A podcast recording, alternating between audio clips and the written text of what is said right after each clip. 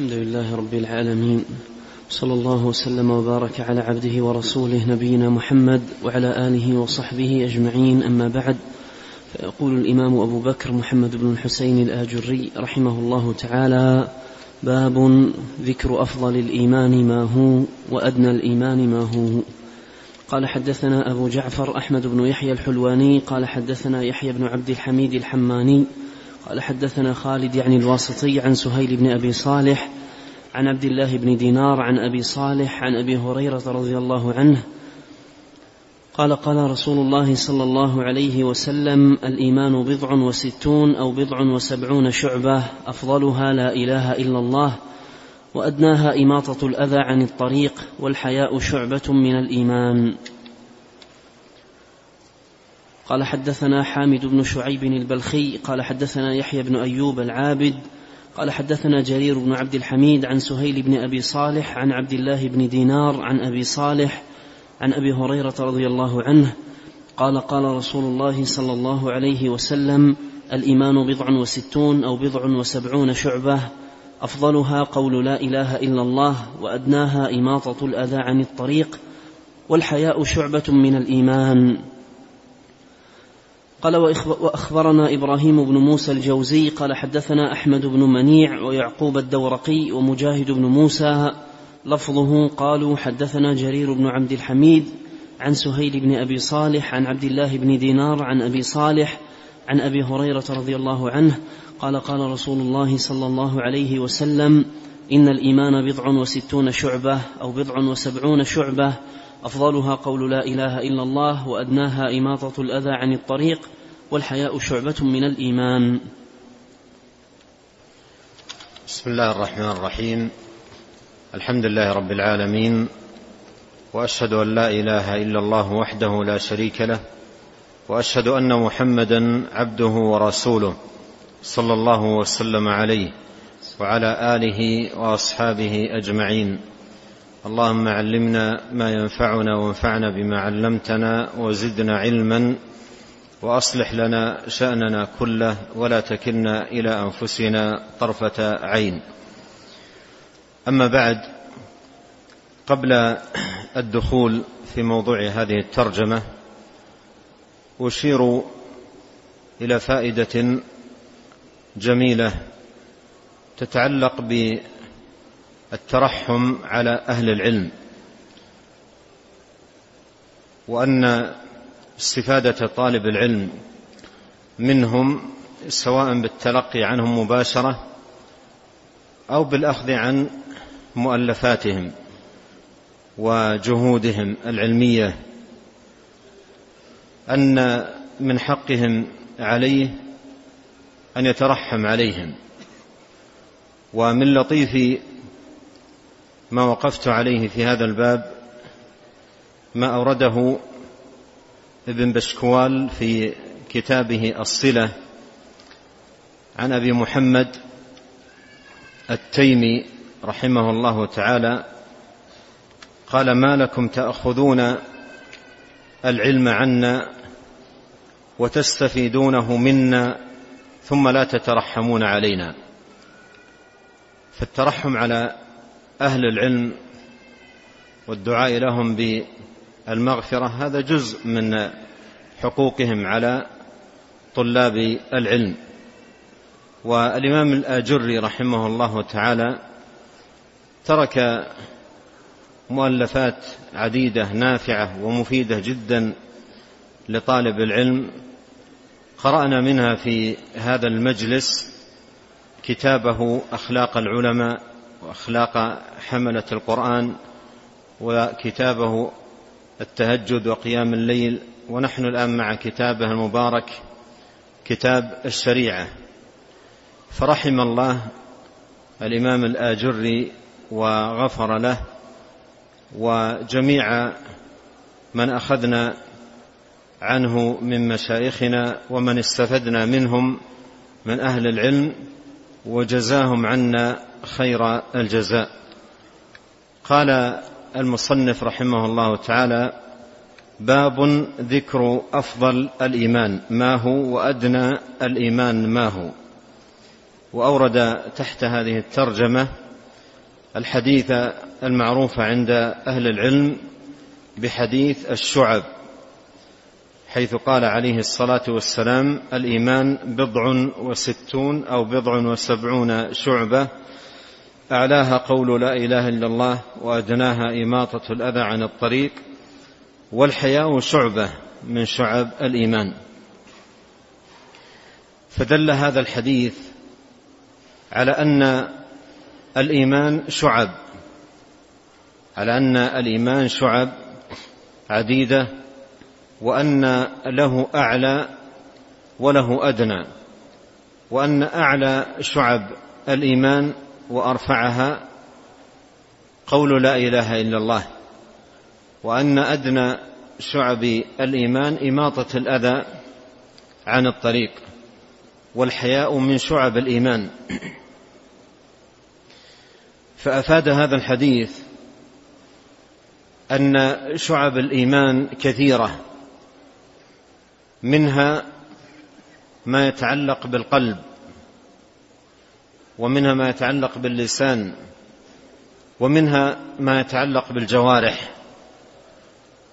فليس الإيمان شيئا يقوم في القلب فقط بل الإيمان في القلب واللسان والجوارح.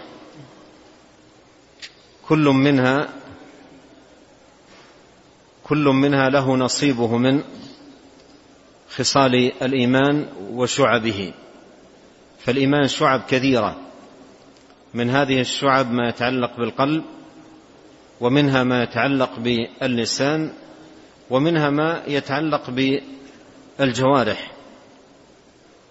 ولما قال عليه الصلاة والسلام في هذا الحديث أعلاها وأدناها أي شعب الإيمان أفاد ذلك أن بين هاتين الشعبتين الشعبة الأعلى والشعبة الأدنى شعبا كثيرة منها ما هو قريب للأعلى ومنها ما هو قريب للأدنى. وأفاد أيضا أن العبد كلما استكثر حظا ونصيبا من شعب الإيمان زاد إيمانه. وكلما ضعف حظا ونصيبا من شعب الإيمان ضعف إيمانه. ولهذا عد العلماء رحمه رحمهم الله تعالى هذا الحديث في جملة الأدلة الدالة على أن الإيمان يزيد وينقص ويقوى ويضعف وأن أهله يتفاضلون فيه وأنهم ليسوا فيه على درجة واحدة لأن الإيمان شعب كثيرة وأهل الإيمان في القيام بهذه الشعب على تفاوت ليسوا على درجة واحدة منهم المستكثر من هذه الشعب. وصاحب الحظ الوافي منها. ومنهم من حظه من هذه الشعب دون ذلك. فإذا زاد حظ العبد من شعب الإيمان زاد إيمانا وإذا نقص نقص إيمانهم. لأن الإيمان يزيد. بهذه الشعب وينقص بضعفها وقلتها في العبد. وأفاد هذا الحديث أن من مهمات المسلم أن يعرف شعب الإيمان معرفة جيدة يراد بها الاستكثار من هذه الشعب. والتحلي بهذه الخصال خصال الإيمان ليزداد بذلك إيمانا. ولهذا فإن العبد الموفق يجمع فيما يتعلق بالإيمان بين أمرين معرفة شعب الإيمان وخصاله وخلاله العظيمة المباركة ليزداد بذلك إيمانا ليقوم بها وليفعلها ليزداد بذلك إيمانا ويحرص في الوقت نفسه على معرفة الأمور التي تضعف الإيمان وتنقصه حتى يتقيها ويجتنبها لئلا يضعف إيمانه. والإيمان يزيد وينقص ويقوى ويضعف وسيأتي عند المصنف رحمه الله تعالى بعد هذه الترجمة باب خاص في هذا المعنى. ومن فوائد هذا الحديث حديث شعب الإيمان أن شعب الإيمان ليست على درجة واحدة ولا على مستوى واحد في الفضيلة بل هي متفاضلة. بعضها أفضل من بعض. وأن أعلى هذه الشعب وأرفعها قدرا قول لا إله إلا الله. قول لا إله إلا الله. وهذا يفيد مكانة هذه الكلمة كلمة التوحيد في الإيمان. وأنها أصل الإيمان الذي عليه يقوم. وأساسه الذي عليه يبنى. وهي للإيمان كالأصول للأشجار. يوضح ذلك قول الله سبحانه وتعالى في سورة إبراهيم ألم تر كيف ضرب الله مثلا كلمة طيبة كشجرة طيبة؟ أصلها ثابت وفرعها في السماء. تؤتي أكلها كل حين بإذن ربها ويضرب الله الأمثال للناس لعلهم يتذكرون. فهذا مثل دعا الله دعا الله سبحانه دعا الله سبحانه وتعالى عباده إلى عقله وفهمه.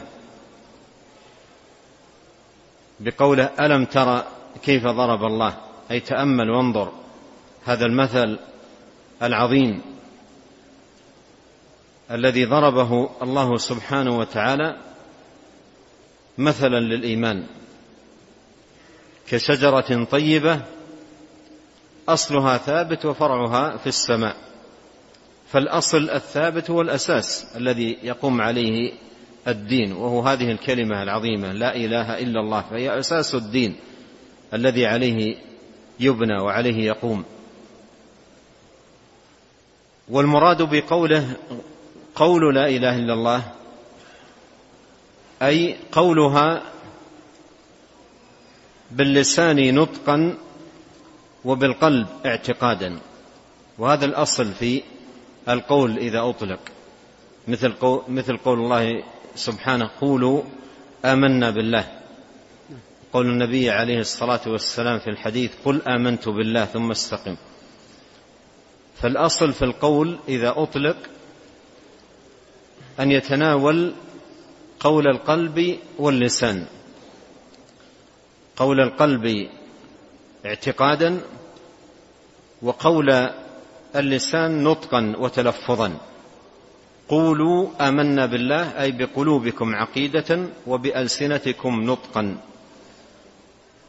أعلاها قول لا إله إلا الله أي قولها باللسان نطقا وبالقلب عقيدة. ولا إله إلا الله ليست بنافعة لقائلها إذا كان حظه ونصيبه منها مجرد نطق اللسان. فإنها ليست بنافعة لقائلها إلا إذا صدق القلب اللسان وقالها صدقا من قلبه. كما جاء في الحديث عن نبينا صلى الله عليه وسلم من قال لا إله إلا الله صدقا من قلبه. صدقا من قلبه. فهي لا تنفع إلا مع الصدق أن تكون نابعة من القلب أن يقولها بقلبه مع قوله لها بلسانه. ومن فوائد هذا الحديث أن أعمال الجوارح أعمال الجوارح الصالحة داخلة في مسمى الإيمان. فالإيمان ليس مجرد عقيدة في القلب بل هو عقيدة وعمل. عقيدة وعمل. قال وأدناها إماطة الأذى عن الطريق. وإماطة الأذى عن الطريق عمل يباشره المرء بجوارحه. وقد عده نبينا صلى الله عليه وسلم من شعب الإيمان وخصاله. وهكذا مثل هذه الخصلة مما فيه نفع المسلمين وإعانتهم وقضاء مصالحهم. فهذا كله من الإيمان. هذا كله من الإيمان. قال وأدناها إماطة الأذى عن الطريق. أي أن يرى أذى في طريق الناس فيميطه عن طريقهم لئلا يؤذيهم. وقد جاء في الصحيح عن نبينا عليه الصلاة والسلام أن رجلا مر بغصن شجرة ذي شوك في طريق الناس فقال والله لا أدع هذا في طريق الناس فيؤذيهم فشكر الله عمله فأدخله الجنة. وعليه لا ينبغي للمسلم أن يستهين بأعمال الإيمان وإن قلت. لا يستهين لا يحقر من المعروف شيئا. ومما يستفاد من هذا الحديث أهمية مجاهدة النفس على العمل بشرائع الإسلام وخصاله. فإن خصال الإيمان عديدة. قال بضع وسبعون شعبة. فهي خصال عديدة. وإذا كانت كذلك فإن المقام يحتاج إلى مجاهدة. مجاهدة للنفس أولا بمعرفتها ثم مجاهدة للنفس بالعمل بها ثم مجاهدة للنفس بالثبات على ذلك إلى الممات. والله سبحانه وتعالى يقول والذين جاهدوا فينا لنهدينهم سبلنا وإن الله لمع المحسنين. ثم قول النبي صلى الله عليه وسلم الإيمان بضع وسبعون شعبة وفي رواية بضع وستون شعبة. ومن أهل العلم من رجح السبعين ومنهم من رجح الستين. وعلى أي منهما هل المراد بالعدد الحصر بهذا الرقم المذكور أو المراد التكثير أو المراد التكثير؟ قولان لأهل العلم. فمن أهل العلم من يرى أن العدد لا يراد به العدد ذاته وإنما يراد به الإشارة إلى الكثرة كثرة شعب الإيمان وأن الإيمان شعب كثيرة جدا. ومنهم من يرى أن العدد مراد وأن وأنها بهذا العدد وأنها بهذا العدد. ولهذا اجتهد جماعة من أهل العلم في جمع شعب الإيمان. وفق هذا العدد المذكور في الحديث بضع وستون أو بضع وسبعون شعبة. وبذلوا في ذلك جهود كبيرة جدا من أكثر هؤلاء بذلا للجهد في جمع هذه الشعب وتتبعها في كتاب الله سبحانه وتعالى وسنة نبيه صلوات الله وسلامه عليه. الإمام ابن حبان البستي رحمه الله تعالى صاحب الصحيح وقد ذكر الطريقة التي بذلها في جمع شعب الإيمان في كتابه الصحيح. كما هو موجود في ترتيبه المعروف بالإحسان في ترتيب صحيح بن حبان. ذكر الطريقة التي آه، قام بها في جمعه لشعب الإيمان. وذكر رحمه الله تعالى أن جميع ما جمعه أو أودعه في كتاب له أسماه بوصف الإيمان وشعبه. وصف الإيمان وشعبه. وهو كتاب مفقود. لكنه ذكر طريقته رحمه الله في كتابه الصحيح. فقال تتبعت معنى هذا الحديث مدة. وعددت الطاعات. فإذا هي تزيد على هذا العدد شيئا كثيرا. فرجعت إلى السنن فعددت كل طاعة. عدها رسول الله صلى الله عليه وسلم من الإيمان فإذا هي تنقص عن البضع والسبعين. فرجعت إلى كتاب الله فقرأته بالتدبر.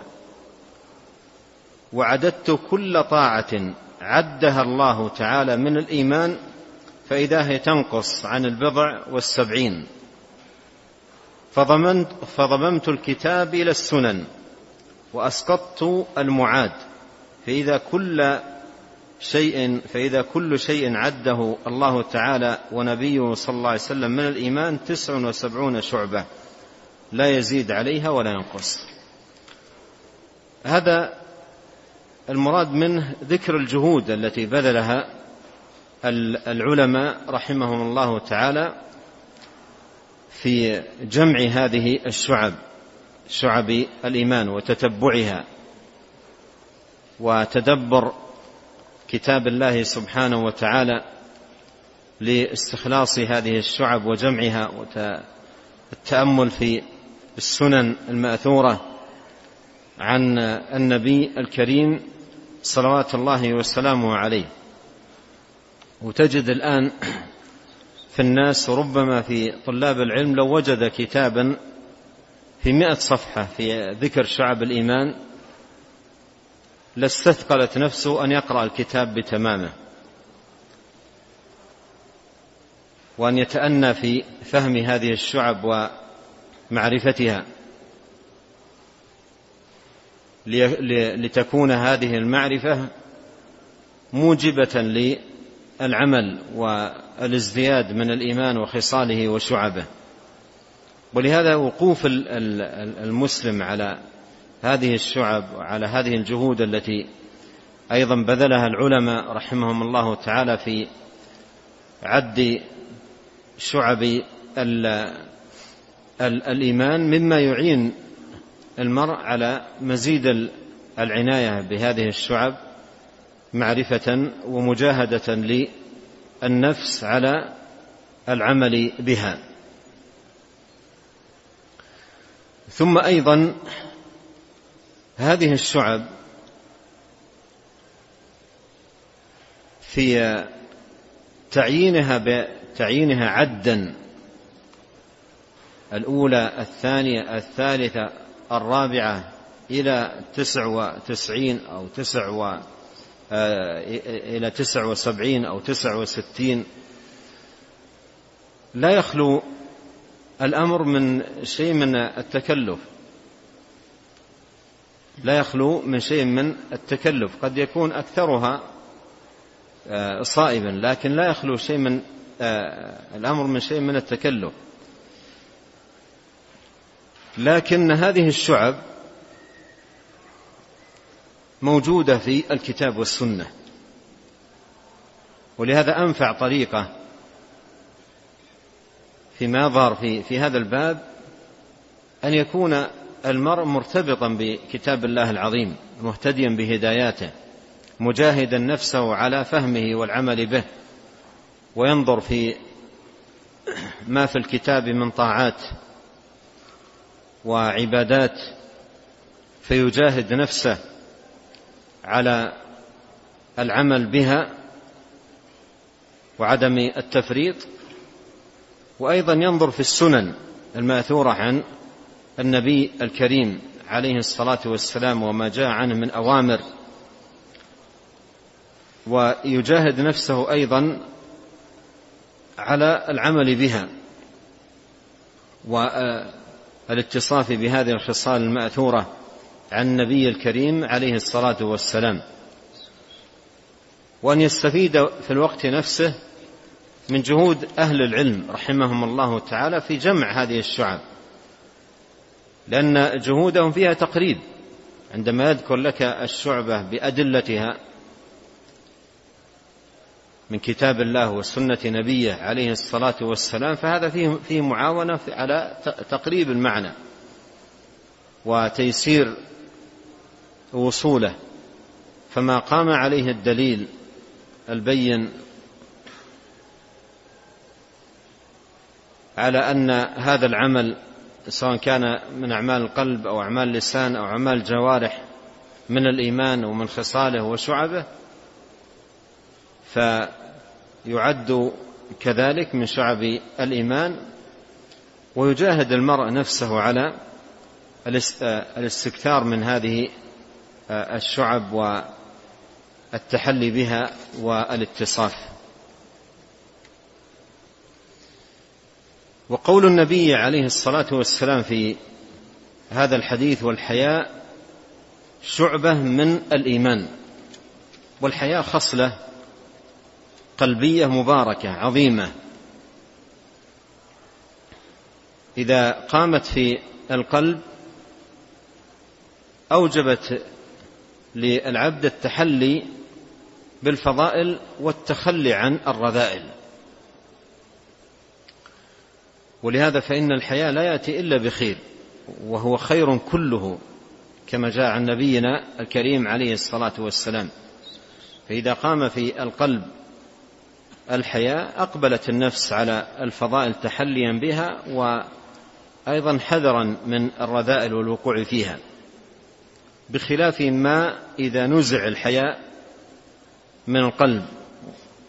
والعياذ بالله فإن مما أدرك الناس من كلام النبوة الأولى إذا لم تستحي فاصنع ما شئت.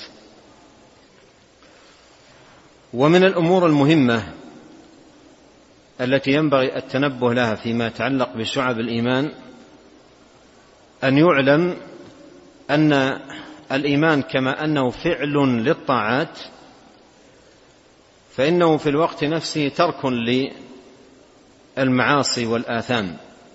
فكما أن فعل الطاعة إيمان فإن ترك المعصية لأجل الله إيمان. وسيأتي قول النبي عليه الصلاة والسلام لا يزني الزاني حين يزني وهو مؤمن. ولا يسرق السارق حين يسرق وهو مؤمن ولا يشرب الخمر حين يشربها وهو مؤمن. فأفاد هذا الحديث ونظائره أن ترك المعاصي طاعة لله سبحانه وتعالى معدود في جملة الإيمان. فالإيمان كما أنه فعل للطاعات فإنه كذلك في الوقت نفسه ترك للمعاصي.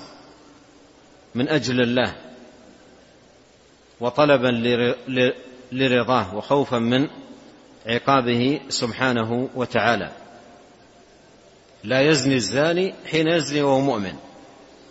أي أن وقوع وقوعه في الزنا وغيره من المعاصي يضعف إيمانه. فإذا ترك هذه المعاصي طاعة لله ورجاء ثوابه وموعوده سبحانه وتعالى زاد بذلك إيمانه. زاد بذلك إيمانه وعظم ثوابه عند الله.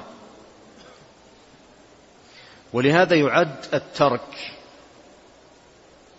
للمعاصي طاعة لله عملا من أعمال العبد الصالحة.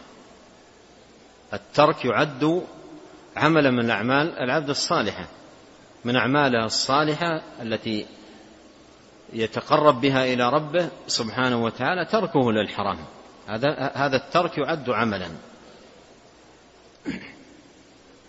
والمعنى هذا جاء مصرحا به في بعض الأحاديث كما في قول نبينا الكريم عليه الصلاة والسلام من حسن إسلام المرء تركه ما لا يعنيه. فعد الترك إسلاما. أي عملا. عد الترك إسلاما أي عده عملا من جملة أعمال العبد.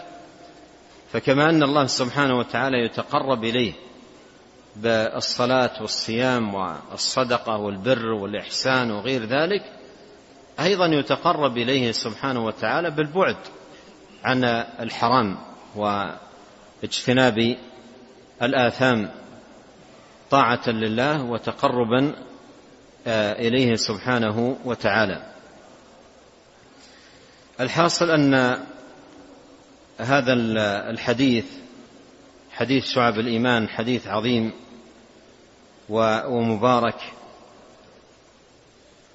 بين فيه نبينا عليه الصلاة والسلام مكانة الإيمان وأنه شعب كثيرة وخصال عديدة. ينبغي على المسلم أن يجاهد نفسه على العلم بها والعمل ليزداد بذلك إيمانا. نعم. قال رحمه الله تعالى باب ذكر ما دل على زيادة الإيمان ونقصانه. قال حدثنا أبو بكر عبد الله بن محمد بن عبد الحميد الواسطي. قال حدثنا محمد بن المثنى. قال حدثنا صفوان بن عيسى عن ابن عجلان عن القعقاع بن حكيم عن أبي صالح عن أبي هريرة رضي الله عنه عن النبي صلى الله عليه وسلم قال إن المؤمن إذا أذنب كانت نكتة سوداء في قلبه فإن تاب ونزع واستغفر سقل منها قلبه فإن زاد زادت حتى تعلو قلبه. فذلك الران الذي قال الله تعالى كلا بل ران على قلوبهم ما كانوا يكسبون. نعم يؤجل هذا إلى اللقاء القادم لكن أشير إلى فائدة أخيرة تتعلق ب آه، الإيمان. وقد أشرت إلى أن هذا الحديث من جملة الأدلة الدالة على أن الإيمان يزيد وينقص ويقوى ويضعف. وأشرت إلى وجه الدلالة من الحديث لذلك. لكن وجه آخر لو تأملت في ما ذكره النبي عليه الصلاة والسلام في خصال الإيمان حيث قال وأدناها إماطة الأذى عن الطريق. وأدناها إماطة الأذى عن الطريق. هذه الخصلة من خصال الإيمان. عندما ينظر الإنسان في أحوال الناس مع هذه الخصلة هل هم فيها على درجة واحدة أم أقسام؟ الناظر إلى أحوال الناس يجد أنهم على أقسام ثلاثة في هذه الخصلة. قسم يميط الأذى عن الطريق وقسم يضع الأذى في الطريق وقسم يدع الأذى في الطريق وقسم يدع الأذى في الطريق. فمنهم من يميطه إحسانا لإخوانه ورجاء لثواب ربه ومنهم من يضع الأذى في الطريق ولا يبالي. لا يبالي بما يحصل لإخوانه من آه، أذى أو تضرر أو نحو ذلك. ومنهم من يدع الأذى يراه في طريق الناس وعرضة لأذيتهم فيدعه ولا يميطه. فهؤلاء متفاوتون. وخيرهم وأفضلهم إيمانا من حيث هذه الخصلة العظيمة من ذكر من ذكره النبي صلى الله عليه وسلم في هذا الحديث بهذا الوصف إماطة الأذى عن آه، الطريق. وأيضا يستفاد من ذلك ما أشرت إليه ألا يحقر الإنسان من أعمال الإيمان وخصاله شيئا. لا يحقر من المعروف شيئا. ونسأل الله الكريم أن يزيدنا أجمعين إيمانا وأن يزيننا أجمعين بزينة الإيمان وأن يجعلنا هداة مهتدين. وأنبه أيضا قبل أن أختم إلى أن الدرس يتوقف إلى يوم الأحد القادم. الأحد القادم سيكون عندنا بإذن الله سبحانه وتعالى درس. اللهم انفعنا بما علمتنا وزدنا علما وأصلح لنا شأننا كله ولا تكلنا إلى أنفسنا طرفة عين. اللهم اغفر لنا ولوالدينا ولمشايخنا ولولاة أمرنا وللمسلمين والمسلمات والمؤمنين والمؤمنات الأحياء منهم والأموات.